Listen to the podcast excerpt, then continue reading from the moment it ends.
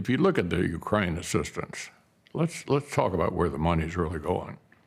A significant portion of it's being spent in the United States in 38 different states, replacing the weapons that we sent to Ukraine with more modern weapons. So we're rebuilding our industrial base. That's what President Biden's seeking to do. It's, it's correct. No Americans are getting killed in Ukraine. We're re- rebuilding our industrial base. Uh, the Ukrainians are destroying the army of one of our biggest rivals. I have a hard time finding anything wrong with that. Mm-hmm. I think it's wonderful that they're defending themselves. And also the notion that the Europeans are not doing enough. They've done almost $90 billion. They're housing a bunch of refugees who escaped. Mm-hmm. Uh, I think that our NATO allies in Europe have done quite a lot. You sound like you have a lot in common with President Biden in his worldview, based on what you just laid out.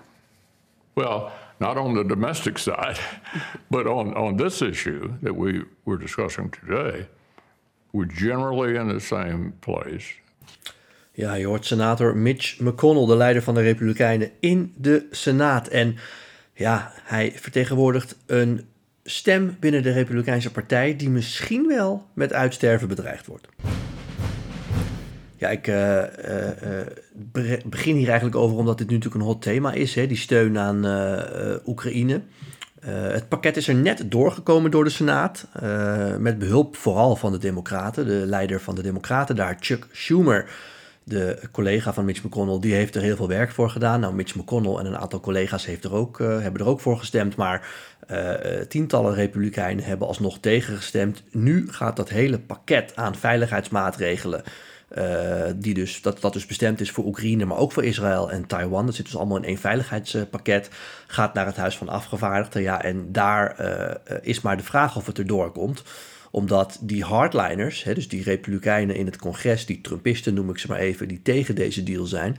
Ja, er zitten er nog veel meer van in het huis. Die fractie daar is veel rechtser eigenlijk, veel meer Trumpistischer dan de fractie in de Senaat. Uh, het zou kunnen als daar morgen eventueel over gestemd zou worden over eh, die deal. En dan zijn dus de Senaat en het Huis beide ermee akkoord gegaan. Zou kunnen dat um, uh, als je het aan het Huis zou voorleggen, dat dan met behulp van heel veel democraten en ook een paar republikeinen dat die deal doorgaat. Alleen de vraag is dan vervolgens, wil de leider van de republikeinen in, de, in het huis, hè, de, de speaker, Mike Johnson, wil die het dan überhaupt wel op een stemming aan laten komen? Omdat ja, die hardliners, die Trumpisten, die een groot onderdeel zijn van zijn fractie daar, die zullen zeggen, we moeten hier niet eens over stemmen. Want als jij dit doet, steunen we jou niet meer. Nou ja, dat is een beetje het laatste nieuws omtrent dat eh, steunpakket. Ik denk eerlijk gezegd dat het er wel gaat komen. Er hangt gewoon heel veel van af. Uh, maar dat het spannend is, zegt eigenlijk al genoeg. Hè? Zie ook die uitspraak van Trump over de NAVO. Afgelopen weekend in South Carolina. Van nou, ik zou zelfs Rusland toejuichen om landen die hun contributie niet betalen, om die maar aan te pakken.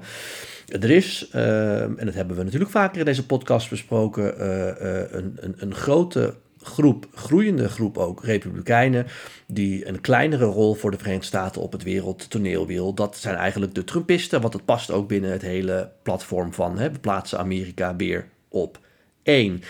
Dat fragment wat ik je net niet horen van McConnell vind ik daarom tekenend. Het is niet van deze week, het is van een paar weken terug. Hij gaf uh, een interview toen aan uh, Face the Nation op CBS, de Amerikaanse versie van Buitenhof. En uh, waarom ik het zo mooi vind, is omdat McConnell eigenlijk op een hele ordentelijke, uh, uh, slimme en korte manier uitlegt waarom hij zo'n grote voorstander is van die steun aan Oekraïne. Hij zegt namelijk, ja, ik zie niet in wat er tegen is. Ik bedoel, wij leveren Oekraïne ontzettend veel wapens om die uh, wapens vervolgens uh, uh, te vervangen, laten wij heel veel bedrijven nieuwe wapens bouwen, waardoor wij nieuwere wapens hebben in eigen land, die ook nog eens door onze eigen mensen gemaakt zijn.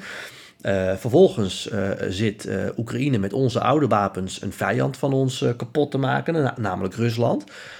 En de, de, Europeanen doen ook heel veel. Die hebben niet alleen veel geld gegeven. Het is waar, de Amerikanen, hè, wij, wij geven meer geld. Maar zij vallen al die vlucht, vangen al die vluchtelingen op. Dus ik zie niet zo in wat hier mis mee is. En dan zegt hij er vervolgens nog bij dat hij op dit punt ook het helemaal eens is met Joe Biden. Nou, uh, door dat zo op deze manier te zeggen, uh, uh, snap je denk ik ook beter waarom heel veel republikeinen in Amerika zo'n voorstander zijn, hè, traditioneel gezien ook, van, nou, in dit geval steun verlenen aan Oekraïne, maar ook in het verleden steun geven aan andere landen, militair gezien.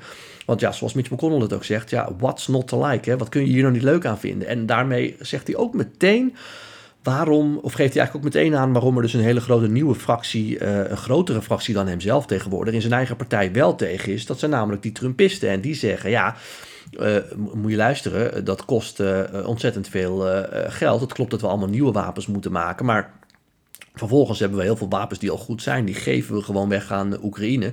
En je kan wel zeggen, Europa vangt al die vluchtelingen op. Maar daarmee maskeer je eigenlijk dat ze dus niet genoeg geld uh, betalen. En bovendien, jij zegt het ook, Rusland moet verzwakt uh, worden. Maar we kunnen beter proberen om vrienden te worden met Rusland. En zeg je nou ook nog eens dat je het eens bent met Joe Biden? Hoe durf je dat te zeggen? Nou. Uh, ik denk dus dat Mitch McConnell uh, op een hele goede manier dus de case maakt waarom je als republikein uh, misschien wel hem moet steunen en dus als Senaat en als Huis van Afgevaardigden ook dat steunpakket aan Oekraïne moet steunen. Maar geeft daarmee meteen ook aan ja, ja, dat, waarom heel veel Trumpisten het er niet mee eens zijn. En het geeft ook meteen aan dat die oude traditionele vleugel van de Republikeinse Partij, waar Mitch McConnell toe behoort, waar ook Mitt Romney toe behoort, waar Liz Cheney toe behoort, waar haar vader toe behoort, Dick Cheney, waar natuurlijk president Bush uh, toe behoort, waar Dick Cheney vicepresident van was, waar Ronald Reagan toe behoort, waar George Bush senior toe behoort, waar John McCain toe behoorde.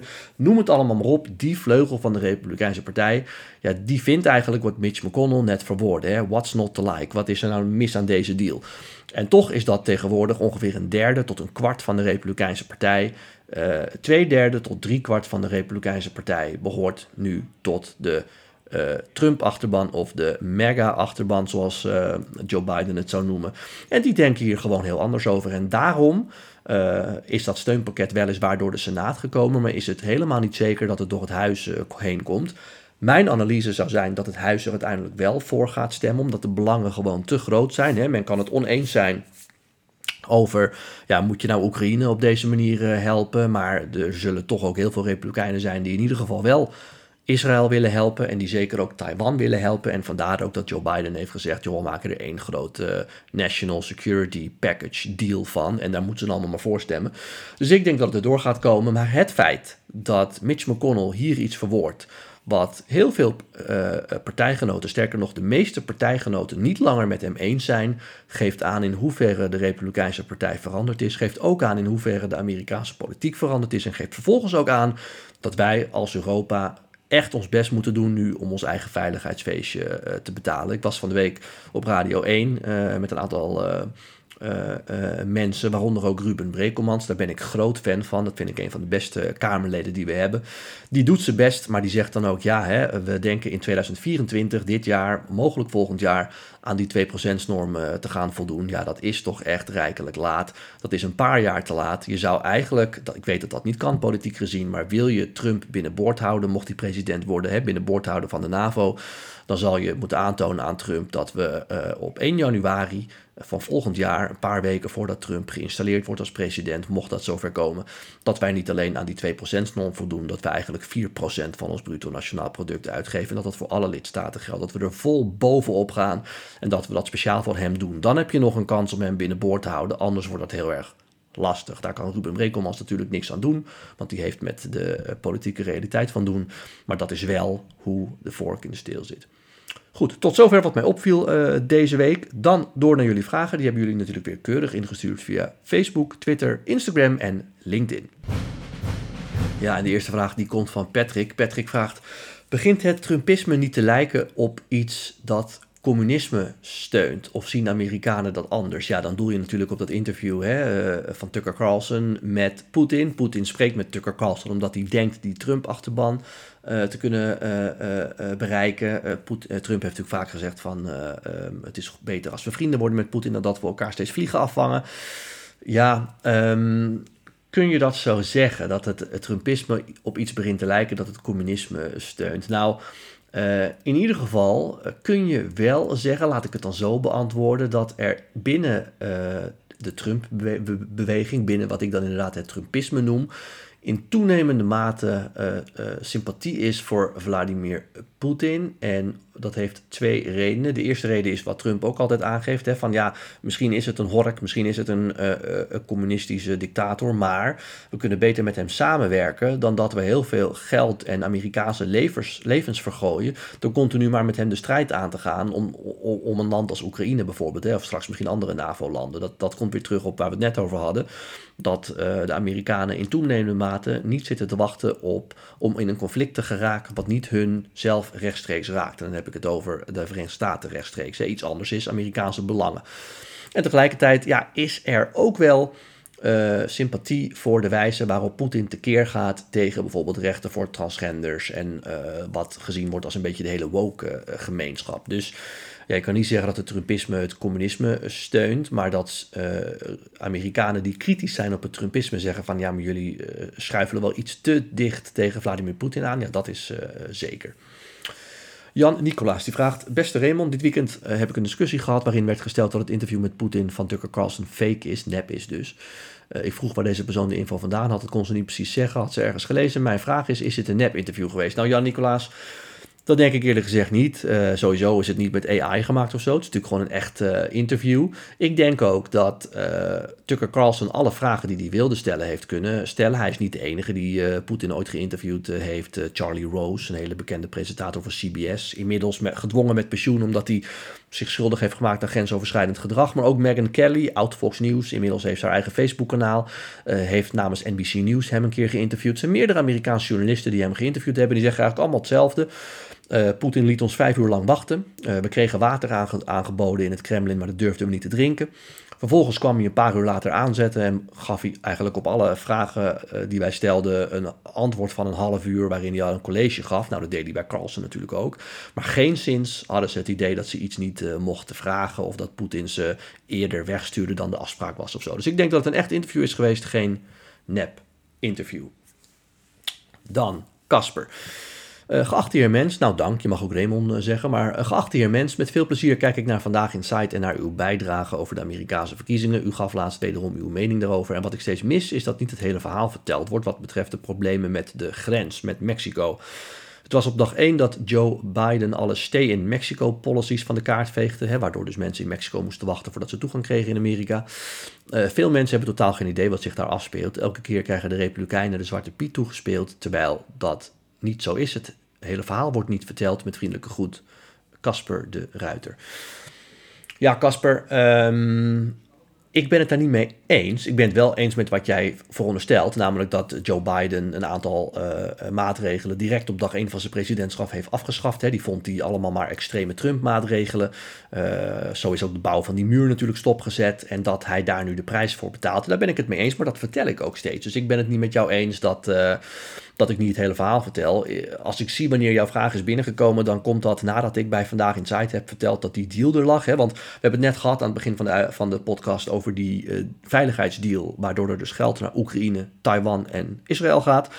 Aanvankelijk zat daar ook beveiliging voor de grens met Mexico uh, bij. Maar uh, dat hebben ze uiteindelijk los moeten koppelen, de Democraten, omdat Trump zou hebben gezegd: joh, los dat probleem aan de grens nou niet op, want dat is een belangrijk verkiezingsthema voor mij.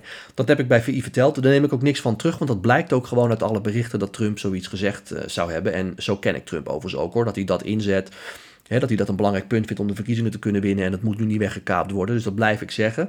Ja, vervolgens heb ik bij VI heel vaak uitgelegd, maar ik wil het met liefde nog een keer doen en nu ook, dat Joe Biden er hoofdverantwoordelijk voor is dat de problemen eh, bij de grens met Mexico zo enorm eh, uit de klauwen zijn gelopen. Bijvoorbeeld door te stoppen met die bouw van die muur, maar daar niks anders voor in de plaats te zetten. Jij hebt gelijk, onder andere door stay in Mexico af te schaffen. Maar ook om vanaf dag 1 van zijn presidentschap en ook trouwens in de verkiezingscampagne te zeggen dat mensen welkom zijn in de Verenigde Staten en vervolgens ook humaan behandeld moeten worden. Dus uh, ik uh, deel jouw kritiek niet dat iedere keer het halve verhaal wordt verteld. Ik vertel volgens mij het hele verhaal.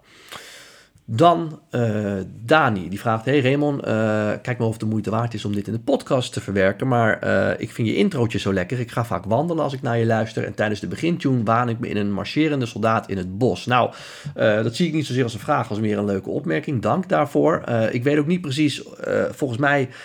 Um, moet er ook een langere versie van zijn? Ik zal even kijken of ik die kan vinden. Wat ik weet is dat ik ooit ergens op een website uh, verzeild ben geraakt. Waarin ik uh, podcast begin tunes hè, of gewoon uh, muziekjes voor een podcast kon downloaden, free of charge.